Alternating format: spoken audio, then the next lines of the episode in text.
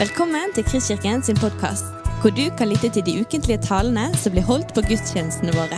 Vi håper denne podkasten vil inspirere og utfordre deg til å kjenne Gud, elske mennesker og tjene vår verden.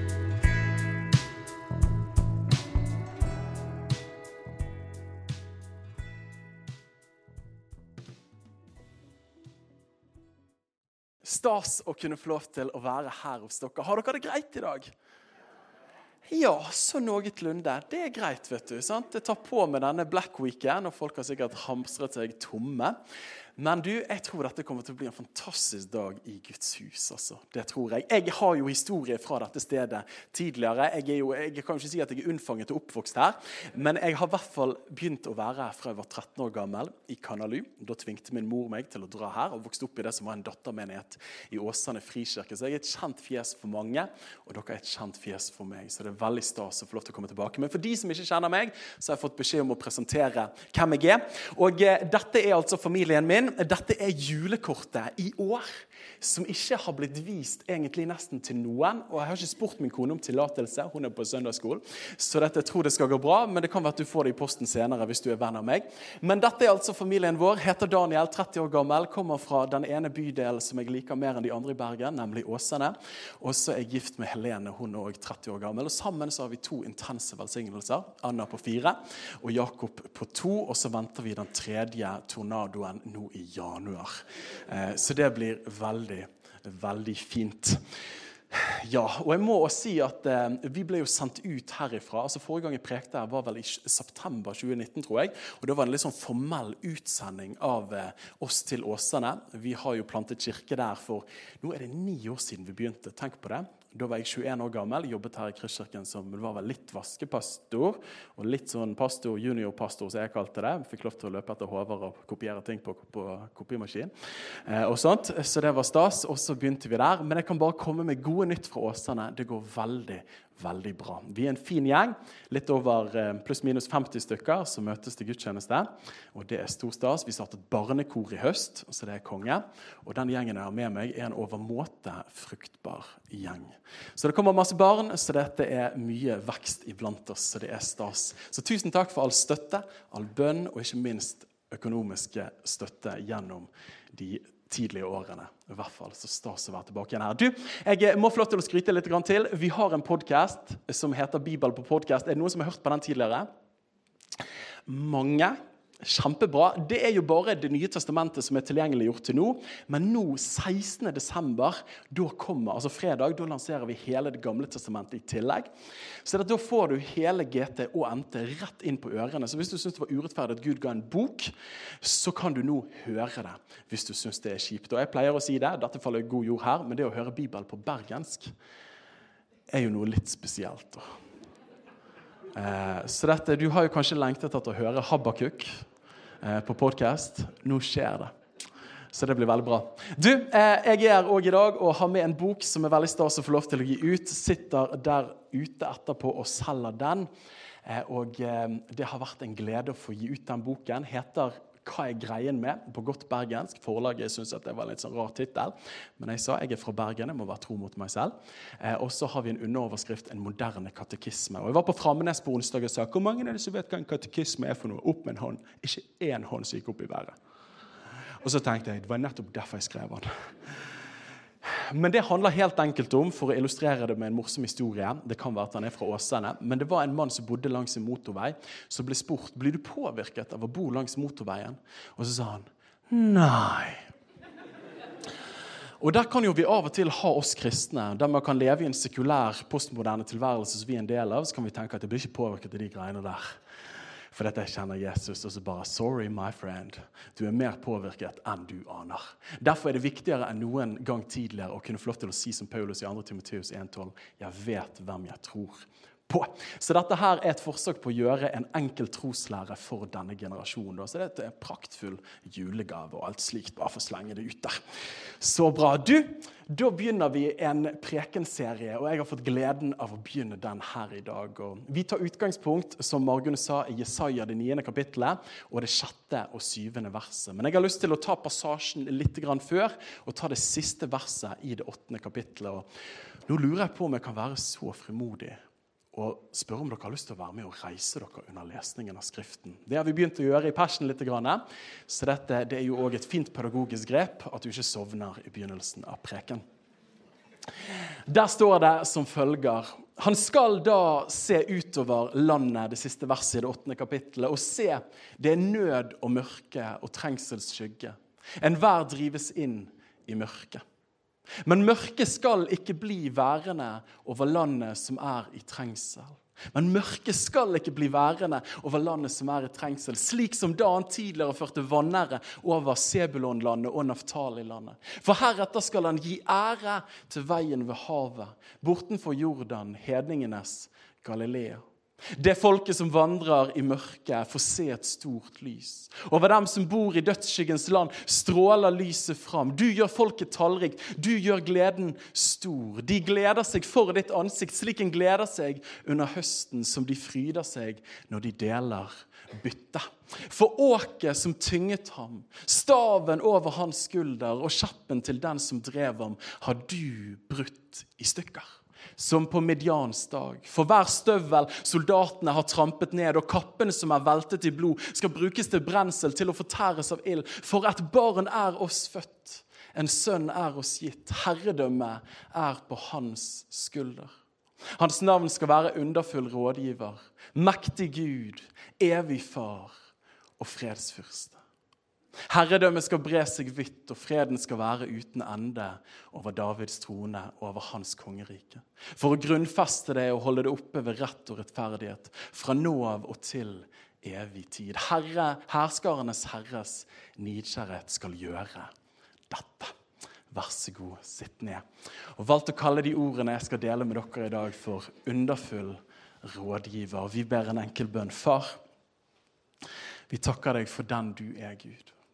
Takk for at nå får vi lov til å sitte under ditt ord. Herre, det ord som har fått lov til å gi lys, gi håp og gi visdom og råd til generasjoner på generasjoner. Og Nå ber vi deg, Gud, håpets Gud, at du måtte blåse på ditt ord i dag, sånn at det kan tenne liv i vårt indre, og vi kan få lov til å kjenne kraften i det ordet, og ikke minst se ordets sentrum, Jesus Kristus. Og alle sammen sa Amen. Du, dette er stas å være her. Du, vi alle drives i større eller mindre grad av basale og grunnleggende lyster og behov. Det tror vi alle må innrømme. Vi drives etter lystene etter mat. Mer enn man gjerne skulle ønske iblant, i for min del. Man drives av lyster etter søvn. Man drives av lyster etter fellesskap. Og disse basale behovene sammen med presset fra familiesituasjoner, fra arbeidslivet og fra samfunnet som helhet, det driver oss, og de lar oss få en høy pace. Og jeg synes Det var så artig å høre fra dette kontemplative innslaget med fru Haukeland viktigheten av retreat. Og tro det eller ei, men nå reiste vi oss under skriftlesningen, og jeg prøver å være mer stille enn noen gang. Jeg lurer på hva som skjer med denne charismaniac-fyren i tenårene. Jeg blir mer og mer glad i disse praksisene der. da. Men vi drives av disse basale lystne, mange av oss. Ja, enhver og en av oss. Men av og til så er det som om det stopper opp, og vi får erfare den stillheten. Der disse pushet fra utsiden og fra innsiden får lov til å finne litt roen. Og For min del så er det som regel over et fjell, gjennom en tunnel, over ei bru, ja, langt oppe på Vestlandet, på toppen av et fjell. En tidlig ettermiddag i sommermåned der jeg får lov til å se utover og få lov til å kjenne stillheten. Men likevel den stillheten som taler så mye mer enn ord ofte. Og Kanskje for din del så er det i denne sesongen av året der du får lov til å se opp på stjernehimmel en kveld, eller du får lov til å sitte i et tomt gudshus og la stillheten senke seg. Og i de øyeblikkene der så må jeg innrømme at selv om det blir stille, så er ikke det alltid godt. For at når stillheten kommer så nært på, når vi, de basale lystene har blitt satt på pause, så vet jeg for min del at plutselig kan det komme snikende en ensomhet. Jeg, Sæbjørnsen, ekstrovert på steroider, har flere folk enn de fleste i livet mitt. Men selv, ja, der kan jeg kjenne Jeg føler meg faktisk litt alene. Eller man møter på noen av de elementære fryktene som man har båret på ulike områder av livet sitt, som jeg tror vi alle deler i en eller annen grad. Eller bare en trøtthet over livets lenker som vi erfarer på de ulike områdene våre. Og I det stedet der så kan det være sårt. Og Når jeg prøver å formulere hva er det jeg egentlig kjenner på for meg sjøl, så tror jeg at på en eller annen måte så kjenner jeg på en hjemlengsel iblant. At jeg lengter etter et sted som jeg på en måte ikke helt vet veien til alltid. da. Men sammen med den hjemlengselen så er det òg det håpet som tennes med det som kan være såre følelser. Men tenk en gang å kunne få lov til å komme hjem. Og kjenne at hjertet faller til ro, som 1. Johannes sier. Slå våre hjerter til ro fremfor Han. da. Jeg skrev i min dagbok for en del år siden, og ja, jeg har dagbok selv om jeg er mann. Jeg anbefaler det faktisk. Der skrev jeg at jeg lurer på om menneskets dypeste lengsel er å være helt og fullt kjent, og på samme tid være fullt og helt elsket. Og I 1987, som noen kan huske her inne, så var det et verdenskjent band som fortsatt er kjent i dag, som heter U2, som skrev denne poptune som har preget oss egentlig i mange år etter. Men under disse hjerteskjære, men òg liksom dype ordene I still haven't found what I'm looking for. I still haven't found what I'm looking for. Og de synger i det første verset der I have climbed the highest mountains. I have run through the fields only to be with you. I have run, I have crawled, I have scaled these city walls only to be with you. Han fortsetter i de påfølgende versene å beskrive ulike ting han har gjort. Han har vært med på mye, han har erfart mye, han har erfart kjærlighet fra kvinner. Han har vært på bunn, og han har vært på høydene. Men så kommer den smertefulle konklusjonen i slutten av sangen. But I still haven't found what I'm looking for. Og som oversatt til nynorsk betyr 'jeg har fortsatt ikke funnet det jeg lengter etter'. Det var dårlig nynorsk. Men mamma er ikke her, så det går bra. Men kan ikke vi kjenne oss igjen i disse ordene her? Og jeg opplever at U2 egentlig stiller bare med populærkulturens språk diagnosen på det moderne mennesket. Og som Ole Paus sa, vi har alt men det er òg alt vi har. Og Du kunne brukt flere dager inn på SSB og gått gjennom ulike statistikker som viser at selv om vi tilsynelatende har alt, så mangler vi faktisk veldig mye. I 2015 slo Norges helseminister Bent Høie på det tidspunktet en ensomhetsalarm og sa at ensomhet er Norges skjulte folkehelseproblem.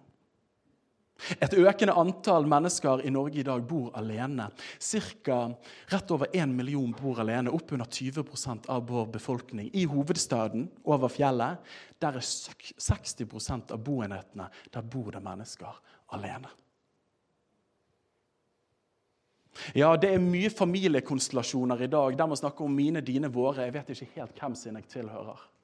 Og En undersøkelse fra 1946 til 2007 viste det at velstandsøkningen har vært på 440% Vi har Tesla, vi har iPhone, oh yeah. Men lykkebarometeret har stått helt i ro i det samme tidsrommet. Er ikke det hjerteskjærende å høre det? Og flere statistikker kunne framvises. Jeg har lyst til å stille spørsmålet her i dag. Hvor er det hjertet hører hjemme, og hva er veien dit? Jeg kjenner på det jeg antar du kjenner på det. Og ungdommene jeg møter rundt i dette ganske land, merker jeg og hører jeg sier akkurat det samme. Hvem er jeg, og hvor hører jeg hjemme. I den teksten som vi leste, og som vi tar utgangspunkt i dag, så tror jeg at vi får noen av disse markørene til denne veien hjem. Vi leste før de velkjente juleevangelieversene så leste vi om at det skulle være et stort mørke i slutten av det åttende kapitlet. Der ser vi at han ser utover landet og ser det er nød, det er mørke, og det er trengsels skygge. Enhver drives inn i mørket. Det er jo nesten òg som en diagnose over den tiden og menneskets situasjon uten Gud. Uten Gud, uten håp i verden, sier Efeserbrevet. Man lever i mørket uten Han. Men i dette mørket så leser vi videre de påfølgende fire versene i det niende kapittelet. Der står det så vakkert, men mørket i det første verset skal ikke bli værende over landet. Ja, midt i mørket så føres det inn et løfte, og med løftet så kommer håpet. Mørket skal ikke bli værende over landet. Han går videre og knekker det opp, at de som er i mørket og dødsskygge, skal få se et stort lys. Ja, han sier det sånn at du gjør gleden stor. Åh! Når jeg leser disse versene, når du mediterer på dem, så er det som om hjertet løftes og letter litt. Gud, du sier du skal gjøre gleden stor, for det er ikke tilfellet på alle områder. Akkurat nå. Du sier at du skal være som et lys i mørket. Det erfarer ikke jeg fullt og helt nå. Ja, Du sier at mørket skal ikke bli værende. Ja, du avslutter med å si at åket, staven og kjeppen har du brutt i stykker. Hva er det vi møter her? Jo, vi møter håpet. Ja, for når vi hører disse ordene her, så merker jeg for min del at mitt hjerte letter. da. Når du mediterer på disse løftene i Guds ord, så er det som om man løftes opp ifra de basale lystne, de skrikende behovene og de ulike smertene som holder oss tilbake. Og så er det akkurat som hjertet får trekke pusten, og så letter man, og så kjenner man håp. Man kjenner hjemlengsel. Forkynnerens bok, denne gamle visdomsboken som Salomo forfattet, sier i det tredje kapittelet og det ellevte verset Evigheten, Gud, har du lagt ned i menneskets hjerte.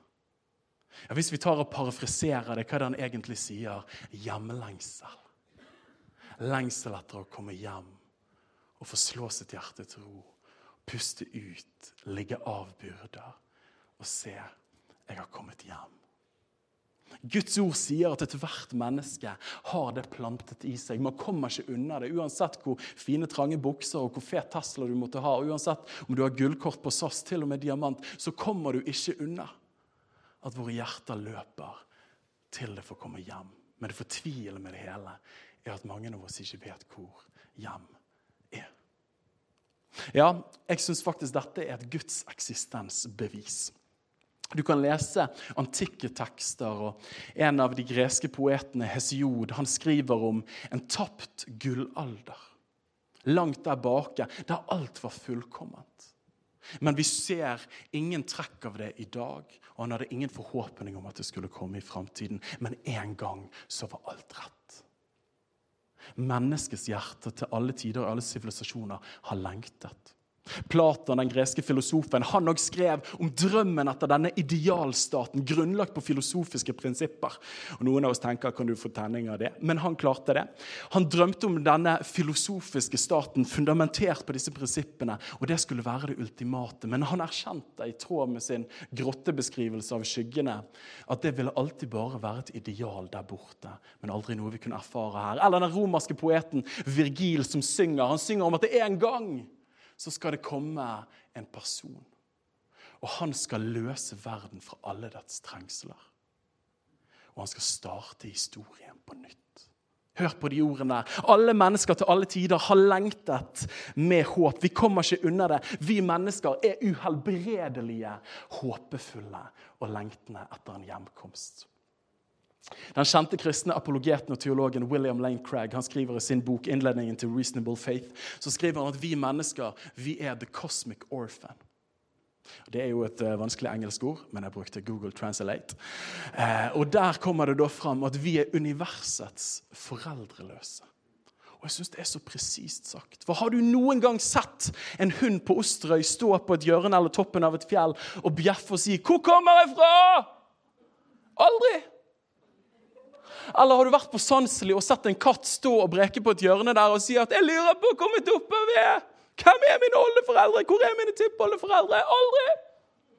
Men har du noen gang møtt et menneske som stiller spørsmålet 'Hvor kommer jeg fra?' Ja, hele tiden. Og det er bare å gå inn på VG og se alle de dumme tingene vi gjør fordi vi prøver å tatte dette tomrommet som sier 'Hvor kommer jeg fra, og hvor går jeg hen? Hvor finnes det håp for meg?' Vi lengter, vi er uhelbredelige. Vi trenger håp. Vi trenger å komme hjem. Og hva gjør håpet med oss? Håpet er det som gjør at det pumper i hjertene våre. Timothy Keller, teologen, en av de skarpeste vi har i vår samtid, han skrev en bok som het 'Walking with God through Pain and Suffering'. Fantastisk bok hvis du erfarer at livet ikke er helt tipp topp. Men han avslutter den boken og snakker om håp. Og Så forteller han historien om to fanger som ble fanget, to personer. Der den ene ble fortalt at familien din har blitt avrettet, de er henrettet, de lever ikke lenger. Og Det tok ikke mange dagene og ukene før han svant hen og til slutt døde i fangenskap. Mens han andre, en sann historie, han visste det at hans familie de var trygge, og de levde. Han satt fanget i over ti år før han fikk sin frihet. Men han har holdt ut. Hvorfor det? For han hadde håp. Han hadde håp. En annen illustrasjon som jeg hørte forleden, det var noen forskere som tok noen rotter. Ja, Daniel sier at du er likhetstegn mellom oss og rotter. Jeg vet ikke, men jeg tror hele skapningen bærer preg av skaperen. og Han har skapt oss med lengsel og kapabelhet for håp. Der De tok en rotte og slapp han ned i et kar med vann, og så lukket de døren, og det var helt svart. Og vet du hvor lenge han klarte å svømme? Han svømte i tre minutter før han går opp og druknet. Så gjorde de samme eksperimentet der de tok denne rotten i et kar med vann, og så åpnet de døren litt på gløtt og slapp inn litt lys. Vet du hvor lenge han svømte? 36 timer. Over 700 ganger så lenge. Hvorfor det? For med lyset så kom håpet. Med lyset så kom håpet. Og vi mennesker vi trenger dette håpet her. Og det får tankene gå tilbake for min del til slutten av videregående. Da hadde jeg erfart på ulike områder av mitt liv at det var smerte, og det var særlig i møte med angst. Og jeg syns at dette her var grådig krevende. Og En dag jeg var i bønn, og som en god karismatiker tror jeg at Herren kan tale til oss. Og da opplevde jeg at akkurat som Faderen sa, Daniel, slik som ting har vært, skal de ikke alltid forbli. Hva var det som skjedde? Jo, mer løftet så kom håpet. Slik som ting har vært, skal de ikke alltid forbli. Og Det er jo egentlig akkurat det han sier i det første verset i det niende kapittelet her. Men mørket skal ikke bli værende. Hva er det som skjer? Jo, løftet slipper inn lyset. De som sitter i mørket, skal se et stort lys. Og med lyset så kommer håpet, og med håpet så kommer bud om liv. Og jeg kjente på det når jeg forberedte denne preken her, at jeg tror det er mennesker her inne som erfarer at mørket i livet, om det er en tung depresjon som har vart ved lenge, om det er en familierelasjon eller en ekteskapsrelasjon som har vært krevende over lang tid, så tror jeg at Herrens ord er til deg. Og jeg har lyst til å profetere det med stor frimodighet. Men mørket skal ikke bli værende. Mørket skal ikke bli værende. Jeg kan faktisk med frimodighet Nå begynner jeg å riste litt her nesten, som en god pinsepastor. Men jeg kan med frimodighet si det over alle og enhver av oss, i tråd med den kristne fortellingen, at uansett hvilke mørke du måtte erfare i dag på ulike områder av ditt liv, så vil det i den store fortellingen som Gud driver fram til sitt herlige endemål, ikke bli værende for alltid. Mørket, mine venner, vil ikke bli værende over landet, men òg over ditt liv. Er ikke det fantastisk? Er ikke det fantastisk, mine venner? Mørket vil ikke bli værende. Vi puster håp. Vi lengter etter å komme hjem. Og I Det gamle testamentet så møter vi dette håpet gjennom flere av profetene og skriftene og loven. Vi møter dette framtidshåpet om at en gang så skal dette håpet bli materialisert. Og Særlig møter vi det gjennom to moment. At det skal komme en frelseskonge og med den frelseskongen så skal det komme et frelsesrike. Og med denne frelseskongen et frelsesrike.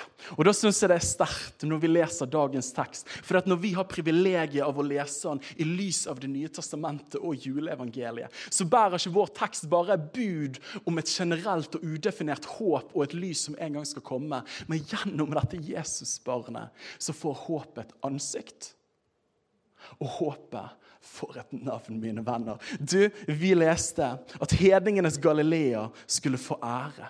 Hvem peker det mot? Jesus. Vi leste det at de som satt i mørket, skulle få se et stort lys. Hvem peker det mot? Selvsagt Jesus. Åh! Og til og med evangelisten Matteus han er så freidig at han tar de versene vi har lest. vet du.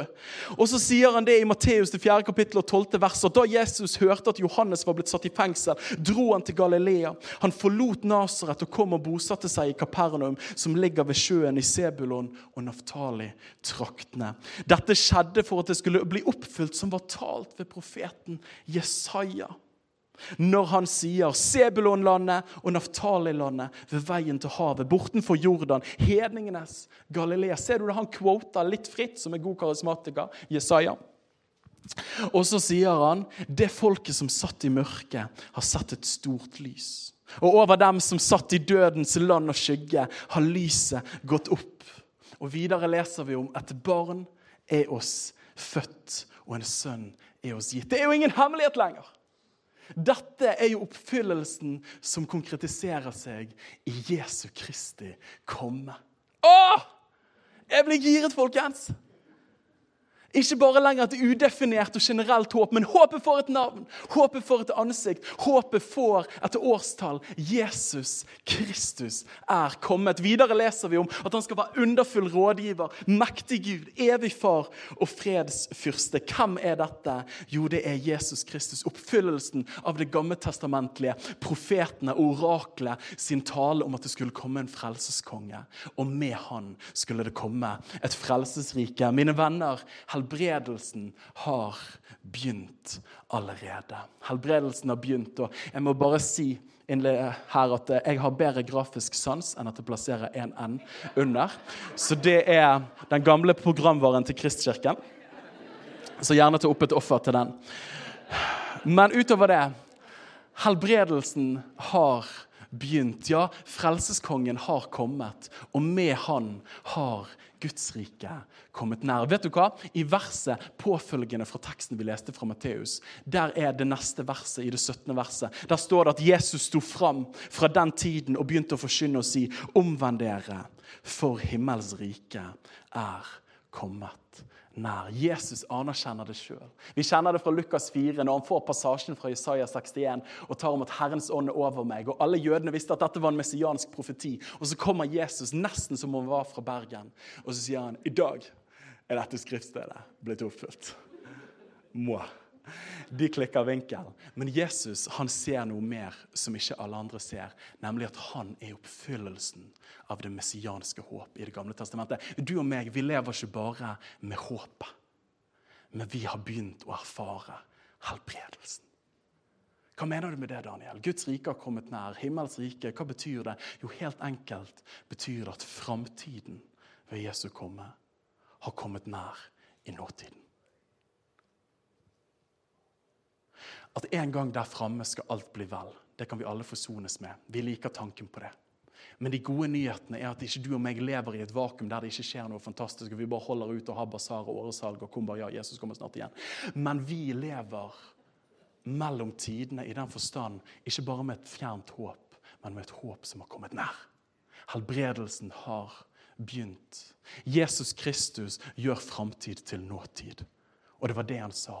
Himmels rike er kommet nær. Det er innenfor rekkevidde, mine venner. Du kan ta på det, du kan føle på det, du kan erfare det. Ikke lenger har vi bare et håp om en hjemkomst en gang.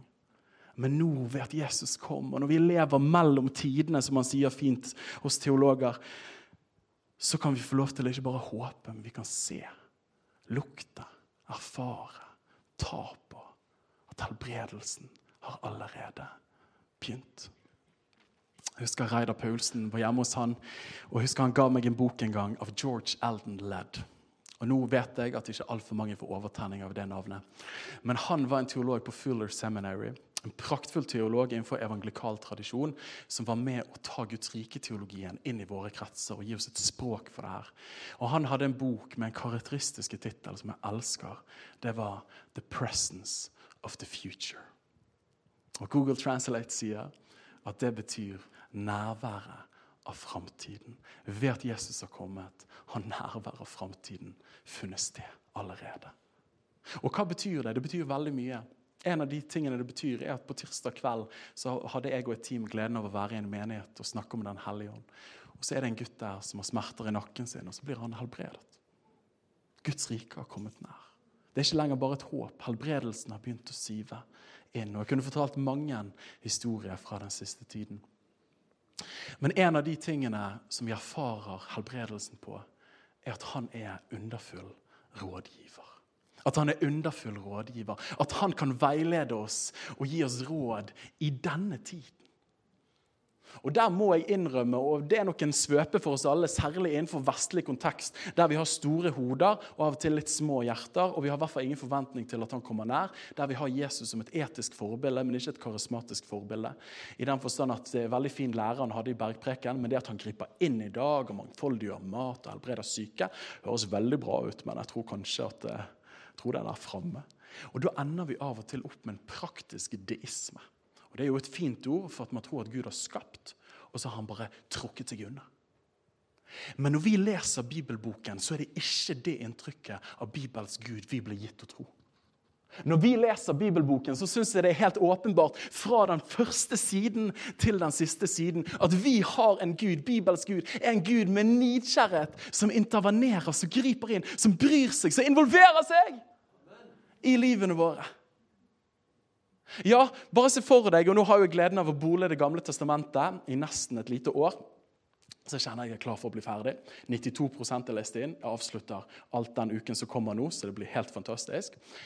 Men da leser du bl.a. om Moses foran Rødehavet i 2. Mosebok til 14. kapittel. og Der står han og får et lettere panikkanfall. Og så sier han, hva skal jeg gjøre, herre? Han vender seg til Gud for råd. Og Gud svarer. Eller du leser om David i møte med filistrene. Han roper til Gud og sier, 'Herre, hva skal jeg gjøre? Skal jeg gå opp mot dem, eller skal jeg trekke meg tilbake?' Og Gud svarer. Vi leser i Matteus det 15. kapittelet at disiplene kommer til Jesus og sier Jesus, det er altfor masse folk her. 4000. Jeg klarer ikke å telle så masse. Det er bare B-måte. Men, men hvor kan vi få mat til alle disse folkene? Og Gud svarer. Er du med meg?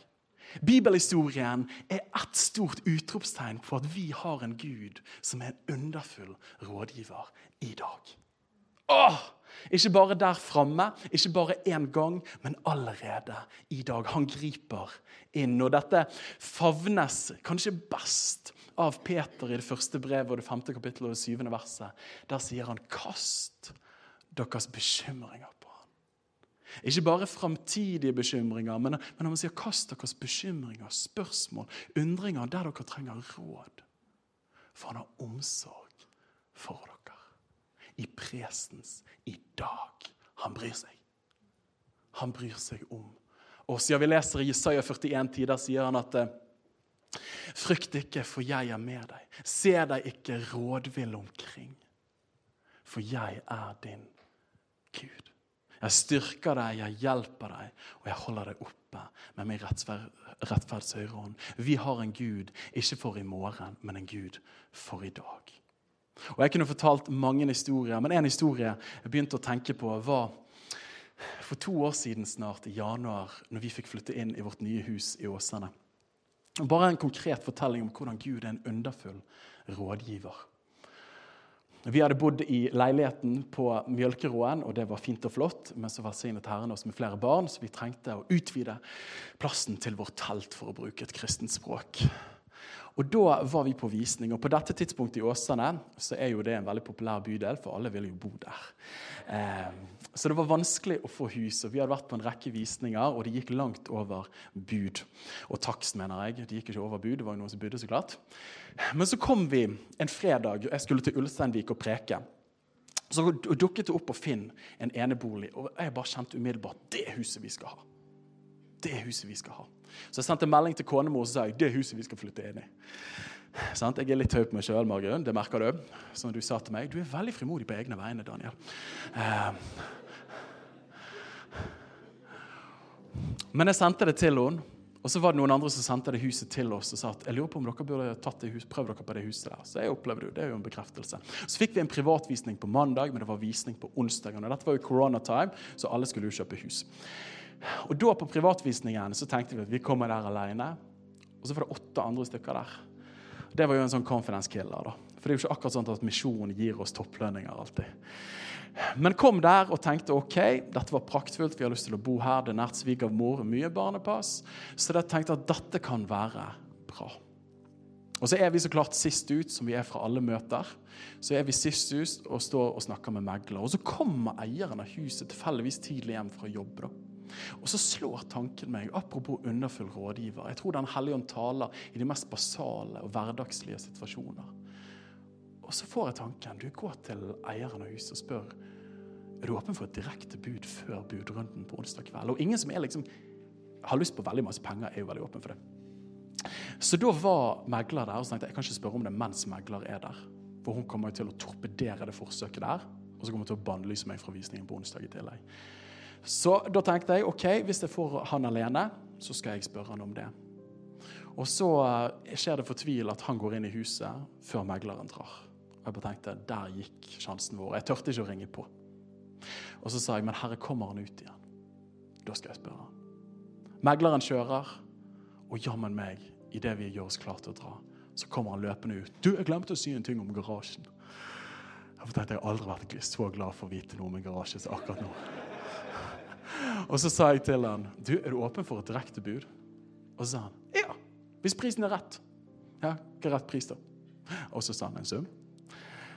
Og så sa jeg, 'Konge.' Så ringte jeg han opp senere og sa, 'Vi tar det.' Og da ringte megleren meg dagen derpå. Hun var ikke glad. Men du, bare et lite konkret eksempel. og kunne fortalt mange andre historier. Hadde vi tatt mikrofonen rundt i salen her, så kunne vi vært der i månedsvis på hvordan Gud har grepet inn i dag, ikke bare i morgen. Og Jeg husker tilbake til videregående. og synes det var timene til Karianne i markedsføring og ledelse. Der lærte vi om Abrahams Maslows behovspyramide. Jeg har den på nattbordet. Det er utrolig sterkt for meg. Men Dette handler jo om humanistisk motivasjonsteori, som det heter på fint. Men jeg tror at vi har en underfull rådgiver som gir oss råd inn mot de mest basale behovene og lystene som vi måtte kjenne på. De fysiske behovene våre, trygghetsbehovene våre, de sosiale behovene og de personlige behovene. Vi har en Gud som griper inn. Vi har en Gud som ikke bare gir håp, men vi har en Gud som kommer med helbredelse i den nåværende tidsalder. Å, mine venner. Vi i Vesten er av og til forsonet med bare håp vi våger ikke håpe på smak av riket i helbredelse i dag. Men der har jeg lyst til å si La oss heve våre forventninger til han som er underfull rådgiver. Men det stopper ikke der, og nå er jeg snart ferdig. Men uansett hvor fantastisk det er å merke at Gud griper inn i dag, så har jeg lyst til å si heldigvis stopper det ikke der. Som vår tekst i Jesaja sier, og fortsetter i det siste verset, at herredømmet skal bre seg vidt. Freden skal være uten ende over Davids trone og over hans kongerike. For å grunnfeste det og holde det oppe ved rett og rettferdighet fra nå av og til evig tid. Herskarenes Herres nidkjærhet skal gjøre dette. Vi skal ikke bare håpe, vi skal ikke bare erfare helbredelse i større og mindre grad, men en gang skal vi få lov til å komme hjem i himmelen. Det er det dette verset snakker om. At dette riket er ikke et tilbakegående rike. Det er ikke et rike som har resignert eller forsonet seg med noen små bruddstykker av en nakke helbredet der og et hus vist vei til der. Men det er et rike som vi leser skal bre seg ut overalt. Freden skal være uten ende. Og det skal være grunnfestet for evig. Mine venner, kjenner du håp i ditt hjerte? At en dag så skal ikke vi bare kjenne varmen fra hjemlandet, men vi skal få lov til å komme hjem som på ordentlig. Og Jesus er ikke bare underfull rådgiver i møte med livets lyster og behov her i dag. Men Jesus er mer enn at han gir oss visdom. Så er han selve visdommen. Paulus sier i 1. Korinterne, det første kapittelet og 30. verset, for det er av ham, altså av Gud, at dere er i Kristus Jesus. Han som for oss har blitt visdom fra Gud. Rettferdighet, helliggjørelse og forløsning. Ikke bare gir han visdom, men han er visdom. Som han sier i samme kapittel, Kristus er Guds visdom og Guds kraft. Han som person, det han har gjort for oss, er svaret i dypeste forstand. Så hvor hører mitt hjerte hjemme, og hva er veien dit? Jeg tror Jesus gir oss en smak av hjemmelandet i denne tiden. Men en gang skal vi få komme helt hjem. Og jeg tror vi kan kjenne som U2 synger I still haven't found what I'm looking for. Jeg har fortsatt ikke funnet det jeg virkelig lengter etter. Men jeg tror at mer og mer, når vi ser Han som er Guds visdom og underfull rådgiver, så kan vi kjenne at våre hjerter faller mer og mer på plass. Og at vi får lov til å komme hjem. Augustin han skriver i sin selvbiografi etter å ha vandret, søkt, etter å komme hjem, så har han disse velkjente ordene i bekjennelser, som hans bok heter, der han sier Gud, du har skapt oss for deg. Og vårt hjerte er urolig inntil det finner hvile i deg. Denne generasjonen, våre liv, veien hjem, røper Jesus i søndagsskoleverset Johannes 14, 6, der han sier, 'Jeg er. Jeg er veien. Jeg er sannheten. Jeg er livet.' Ingen kommer til far. Med andre ord ingen kommer hjem. Virkelig hjem. Med mindre du kommer gjennom Han som er underfull rådgiver. Du har lyttet til en podkast fra Kristkirken i Bergen. Vi håper du har blitt inspirert og utfordret i din vandring med Gud. Vil du vite mer om oss, så klikk deg inn på kristkirken.no.